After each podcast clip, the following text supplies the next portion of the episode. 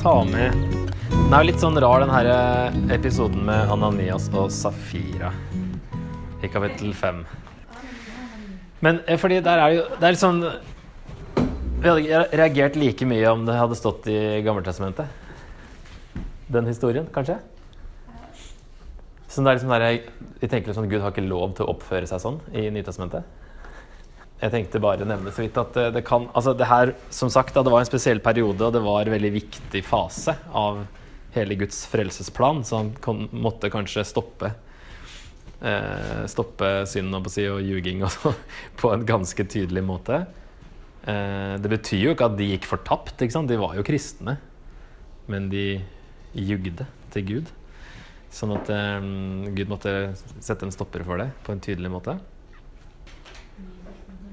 For det, det er etter at um, Barnabas ble nevnt i um, slutten av kapittel 4 at han, altså står i hvert fall i vers 34 der ingen av dem led nød, for de som eide jord eller hus, solgte, solgte det og kom med pengene og la dem for apostlenes føtter. Så fikk hver enkelt tildelt det han trengte. Josef, en levitt fra Kypros, ble av apostlene også kalt Barnabas. Det betyr trøstens sønn. Han solgte en åker han eide, kom med pengene og la dem for apostlenes føtter. En mann som het Ananias og hans kone Safira, solgte en eiendom. Men han stakk til side en del av pengene, og kona visste om det. Så kom han og la resten foran apostlenes føtter. Da sa Peter, Ananias, hvorfor har Satan fylt ditt hjerte, så du kan lyve for Den hellige ånd og stikke til side noe av det du fikk for jordstykket ditt? Kunne du ikke ha beholdt det, det var jo ditt, og bestemte du ikke selv over pengene du solgte det for? Hvordan kunne du bestemme deg for dette i ditt hjerte? Det er ikke mennesker, men Gud du har løyet for.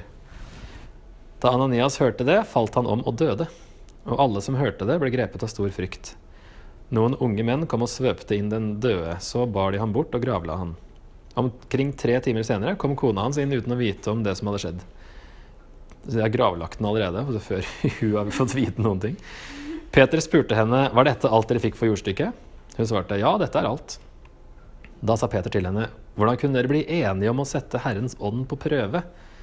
Hør skrittene utenfor døren, nå kommer de som har gravlagt mannen din, de skal bære ut deg også.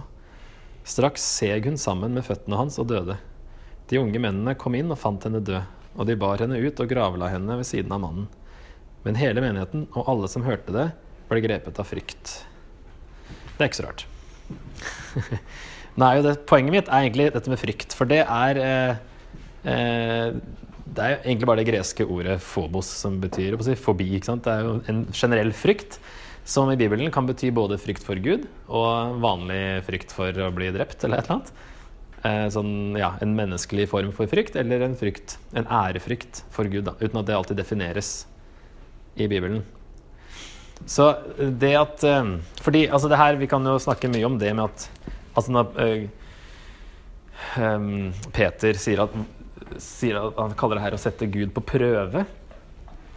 Um, ja, hvordan kunne dere bli enige om å sette Herrens ånd på prøve, i vers 9? Uh, eh, og det er jo ganske alvorlig.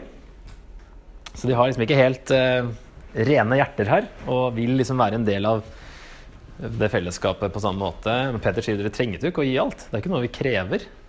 Det er mye verre at dere ljuger til Gud og beholder pengene og sier at det er alt sammen. Um, det, jeg tror at det her altså det ville hatt konsekvenser for hele fellesskapet om det hadde, for, hadde kunne fått si, fortsette sånn. At kanskje andre hadde begynt med det. At det hadde blitt noe, noe råttent på innsida. Som, at det her var såpass viktig eh, tidspunkt i frelses uh, historien. At uh, her måtte vi stoppe det med en gang. Uh, men det viktigste er at Jeg kan jo få opp den sliden her. Nå har jeg kanskje sagt det meste her. Men dette med frykt Menigheten blir grepet av frykt, står det i vers 5 og 11. I Apostelens gjerninger så står frykt for Gud alltid i kontekst med at menigheten vokser. Det er jo det neste som skjer her også. Ved apostlenes hender ble mange tegn og under gjort i folket. Det er jo for så vidt at de tegn og underne var med på at eh, ting vokste. da. Men eh, det står det stadig flere trodde på Herren og ble lagt til dem, både menn og kvinner i stort antall. Eh, så det er, i hvert fall i konteksten så har, har det med menighetsvekst å gjøre. i kapittel 2 så står det i vers 43 Hver og en ble grepet av ærefrykt, og mange under og tegn ble gjort av apostlene. Og så um, siste verset, vers 47. Hver dag la Herren til nye som lot seg frelse. Så der òg er det frykt og, frykt og vekst henger sammen i 9.31. Kirken hadde nå fred over hele Judea og Galilea og Samaria. Den ble bygd opp og levde i ærefrykt for Herren, og den vokste, styrket av Den hellige ånd. Og den siste, i 19 vers 17. Dette ble kjent blant alle som bodde i Efsus. Det er jo at uh, disse som prøvde å Noen jødiske åndemanere som forsøkte å si fram Herren Jesu navn over dem som hadde onde ånder i seg, og sa 'Jeg besverger dere ved den Jesus som Paulus forkynner'. Og så er det da denne altså var, uh, Den onde ånden svarte dem 'Jesus kjenner jeg, og jeg vet hvem Paulus er, men hvem er dere?' Mannen som hadde den onde ånden i seg, for løs på dem, overmannet dem alle og slo dem til blods. Så de rømte ut av huset nakne og forslåtte. Det er liksom det som har skjedd. Og så står det dette ble kjent blant alle som bodde i Efesos, både jøder og grekere. Så det kom frykt over alle, og Herren Jesu navn ble lovprist. Det henger sammen, frykt og lovprisning. Det er ikke at du blir redd for Gud og ikke lovpriser han. Det her er liksom en mer positiv form for frykt. At du, du ser hvor stor Gud er, da. Og hvor hellig Gud er. Du tuller ikke med Gud, liksom. Eh, og så er det at mange av dem som var blitt troende, kom for å bekjenne og fortelle hva de hadde gjort. Eh, at de brente bøker, svarte bøker, eh, til verdi av 50 000 sølvpenger, som er en enorm sum. Um, husker jo 600 800 årsverk. Det er ganske mye penger. Som de da Ja, en stor omvendelse her. Vers 20. Slik fikk ordet fremgang og styrke ved Herrens makt. Så jeg syns det er interessant da, å se den historien om Ananias og Safira i kontekst med hvordan For her nevnes frykt to ganger. Og i de andre gangene som jeg i hvert fall fant ordet frykt nevnt, så er konteksten ganske sånn nær kontekst er alltid at eh, det fører til vekst, og at det henger sammen med at menigheten vokser når vi har ærefrykt for Gud.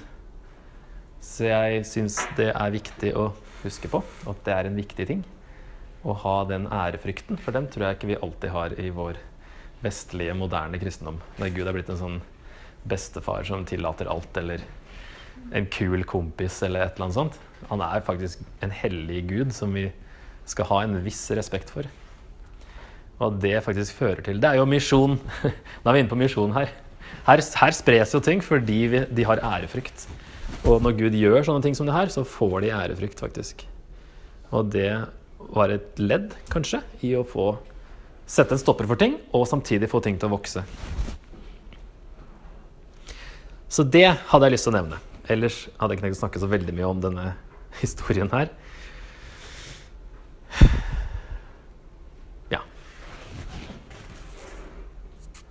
Men vi kan ikke utelate dette avsnittet fra vårt gudsbilde, har jeg da som siste punkt her. Som vi kanskje har lyst til å gjøre. At dette er liksom gammeltestamentlig Gud, og han eh, han er vi ferdig med.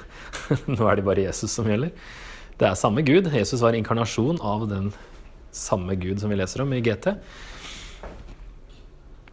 Ehm, så vi, kan, vi må ta med det her, tenke litt på det. Hva betyr det, og hva førte det til, da, ikke minst i Apostelens gjerninger her. Og som sagt så betyr det ikke når folk dør i Bibelen, betyr det ikke at de går automatisk fortapt. Ok, Skal vi se en liten filmsnutt om eh, en tegnefilm om Paulus? Skal vi se hvor ond Paulus var, egentlig. For det har vi kanskje glemt.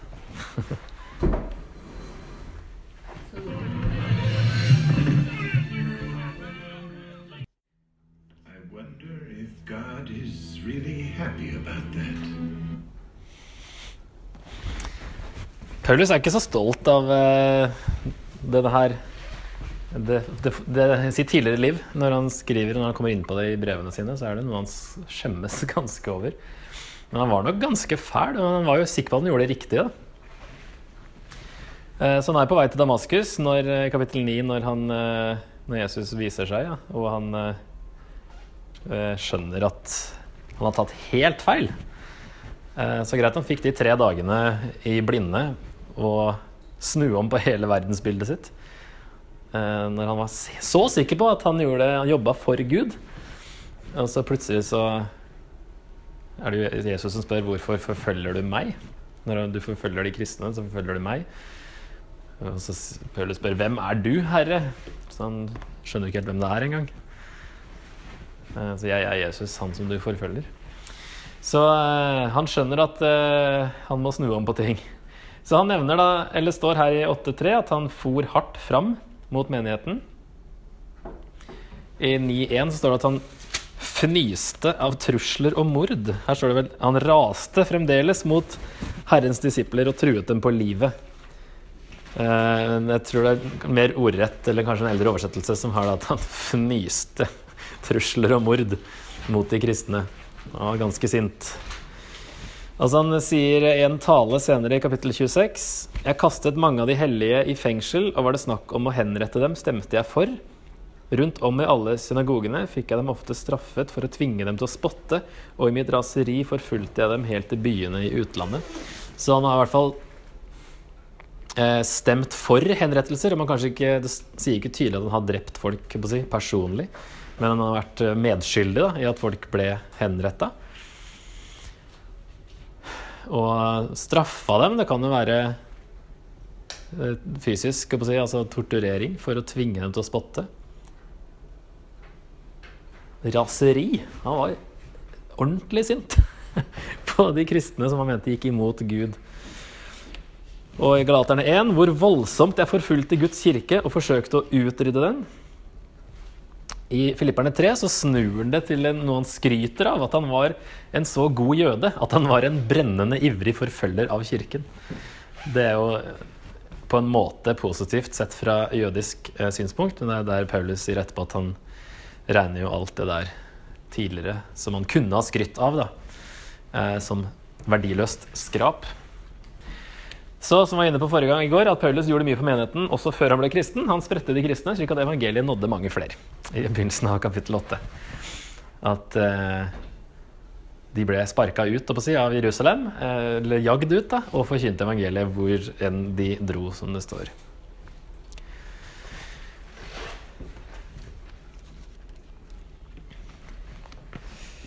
Eh, ja. Det går jo en stund før han drar på misjonsreiser. Det er ikke før i kapittel 13, og det er Det er jo i år 46. Nå er vi kanskje helt på starten av 30-tallet. Så det er eh, ganske mange år imellom, da. Så han eh, tar det liksom litt med ro, på en måte. Selv om han med en gang etter at han eh, har fått synet igjen eh, Så han eh, står det i vers 19 her. Han ble noen dager hos disiplene i Damaskus, hvor han straks forkynte Jesus i synagogene. Så han begynner med forkynnelse med en gang. Og så sier han i Galaterbrevet at han dro til Arabia i noen år. Og, men han dro liksom ikke på misjonsreiser helt ennå.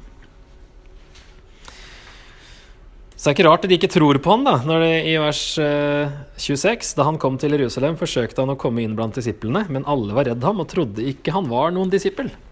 Det er jo ikke så rart, i lys av hvor forferdelig ond han hadde vært. Og nå plutselig Nei, det er bare et knep for å komme inn. Og så da Man dreper oss, jeg på si, i, mens vi er samlet. Men så er det Barnabas da, som tar han med seg og går god for han. Allerede i vers 29 så prøver de jødene å få han drept. Han talte og diskuterte med de gresktalende jødene, men de forsøkte å få ham drept. Så det går ikke lang tid før han plutselig er i motsatt situasjon. Da.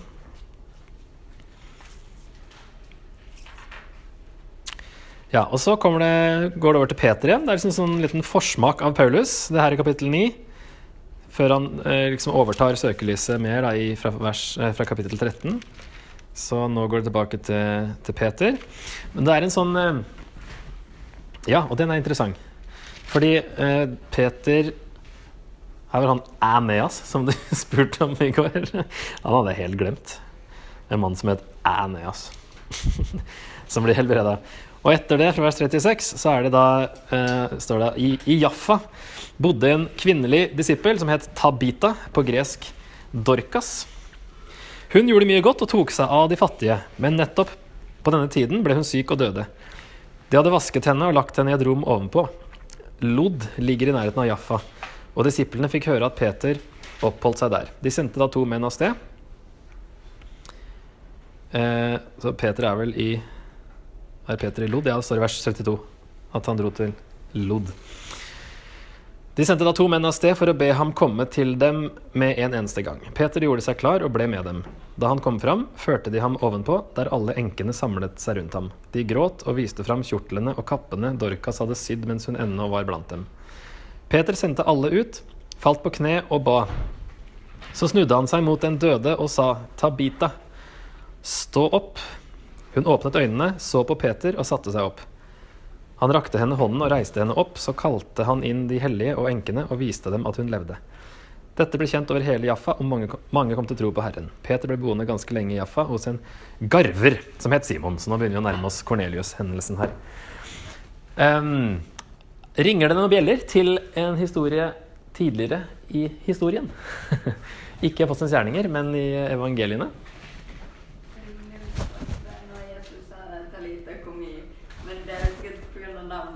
Da, da, da. Veldig kul detalj, det der. Det er litt mer enn det. Um. Dette er for så vidt den første i Apostelens gjerninger til å bli vekket til live av totalt to. Så vi skal se sammenligne med den andre etterpå. Så det skjer ikke så ofte her heller, men det skjer. Men eh, det er jo den i Lukas 8, da. hvis vi tar det som Lukas sjøl har skrevet, da, så har jo han skrevet eh, den om eh, Er det Er det Jairus sin datter? Det er vel det? Ja. Jairus sin datter. Og så er det den her, da, i Apostelens gjerninger 9. Hva, husker dere hva som skjer med Jairus uh, sin datter når Jesus er der?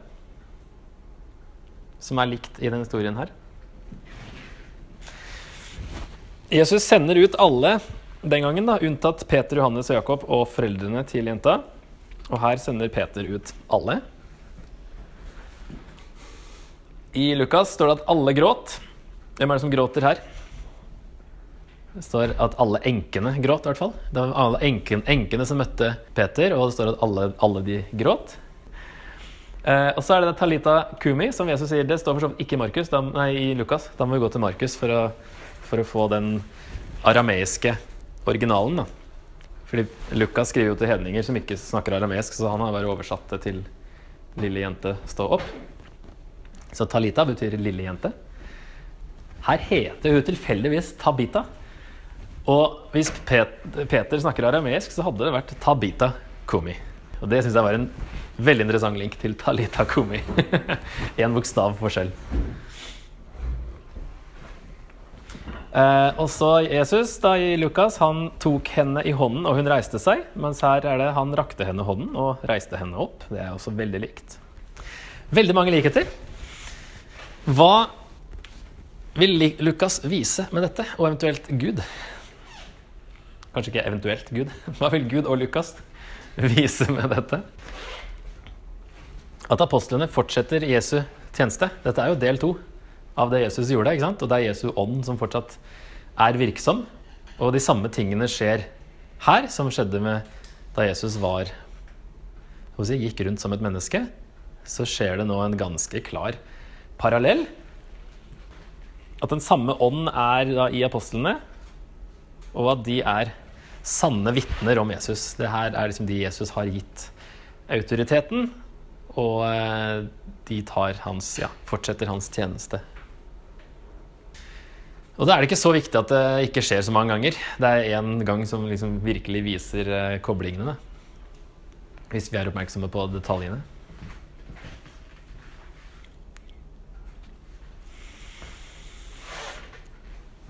Så kommer vi jo til Kornelius. Da sitter Peter på taket en dag og får denne visjonen, som ser litt rar ut på denne tegningen her, eh, med noen eh, En eh, duk med dyr. Peter gikk opp på taket for å be. Det var ved den sjette time. Han ble sulten og ville spise. Mens de holdt på å lage maten, kom han i ekstase. Han så da at himmelen hadde åpnet seg, og at noen, noe dalte ned. Det så ut som en stor duk som ble firt ned mot jorden etter de fire hjørnene. I den var alle slags firebente dyr og krypdyr som lever på jorden, og alle slags fugler under himmelen. Og en stemme sa til ham, Stå opp, Peter, slakt og spis. Men Peter svarte, Det kan jeg ikke, Herre, for jeg har aldri spist noe vanhellig og urent. For andre gang talte stemmen til ham, Det som Gud har sagt er rent, må ikke du kalle urent. Dette hendte tre ganger, og så ble duken tatt opp til himmelen igjen. Så Peter svarte nei tre ganger, da, tydeligvis.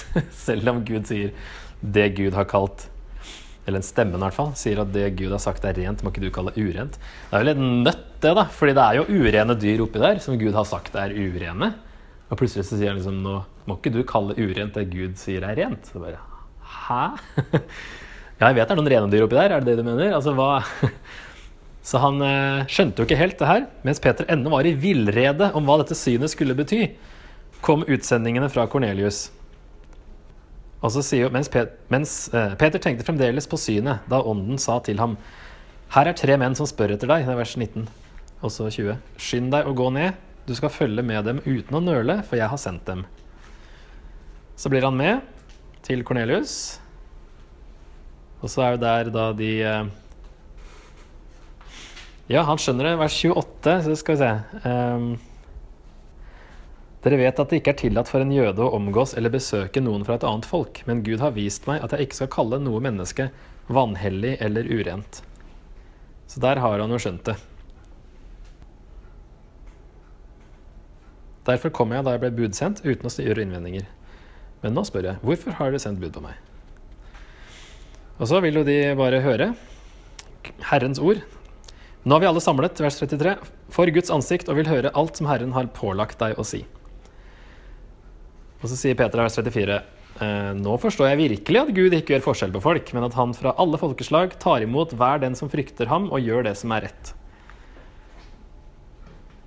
Så har han skjønt hva det, hva det betyr, og hva, at nå dette her gjelder evangeliet, at dette er eh, noe stort. Og så er vers 44. Mens Peter fremdeles talte, kom Den hellige ånd over alle som hørte ordet. Altså, De troende av jødisk ett som var kommet dit sammen med Peter, ble forskrekket over at Den hellige ånds gave også ble øst utover hedningene. Og så sier Peter, disse har jo fått Den hellige ånd, slik som vi. Kan noen da nekte dem vannet og hindre at de blir døpt? Så her eh, Skal vi se. Kornelius var en av de gudfryktige hedningene, står det.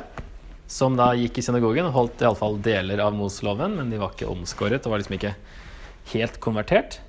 Så det som vi også var inne på tidligere, Gud hopper effektivt over hindringene som kunne ha gjort det vanskelig for jødene å se på hedningene som kristne på samme nivå som seg selv. Med at han da gir dem ånden. Så du ser virkelig at det her er noe Gud vil, dette gjør Gud. Hvem er da vi til å gjøre noe annet? Det er akkurat det Peter sier i vers i 11-17 her, når han forteller historien en gang til. Når Gud har gitt dem den samme gaven som vi fikk da vi kom til tro Interessant. Da vi kom til tro. At de fikk Den hellige ånd også da de kom til tro, sier Peter. På Herren Jesus Kristus. Hvem er da jeg at jeg skulle kunne hindre Gud? Da de hørte dette, slo de seg til ro, og de lovpriste Gud og sa, så har da Gud også latt hedningene få vende om til livet. Så eh, dette er en effektiv måte da, for Gud å bare vise at det her er riktig. Dette er noe eh, han vil. Og det er her det verset jeg lette etter i går, er fra vers 19. Ja. De som var blitt spredt pga. den forfølgelsen som begynte med Stefanus, reiste omkring helt til Fønikia, Kypros og Antiokia. Men de forkynte ikke ordet for andre enn jøder. Da noen av dem, folk fra Kypros og Kyrene, kom til Antiokia, forkynte de evangeliet om Herren Jesus også for de gresktalende. Der understrekes det at der begynte de faktisk å, å fortelle evangeliet til um, andre enn jøder. Og Herrens hånd var med dem, slik at mange kom til tro og, og vendte om til Herren. Så dette er et nytt skritt. Eh, at de nå de blir spredt rundt, kommer ut til hedningene, og i hvert fall noen av dem forstår Det står jo kontekst med at eh, Jeg vet ikke om Gud kanskje åpenbarte det for flere samtidig? Siden de begynte å fortelle evangeliet til gresktalende folk. Altså de som ikke var jøder. i konteksten der i hvert fall, eh, så begynner jo de samtidig å gjøre det et annet sted. Samtidig som at Peter skjønner det i denne visjonen.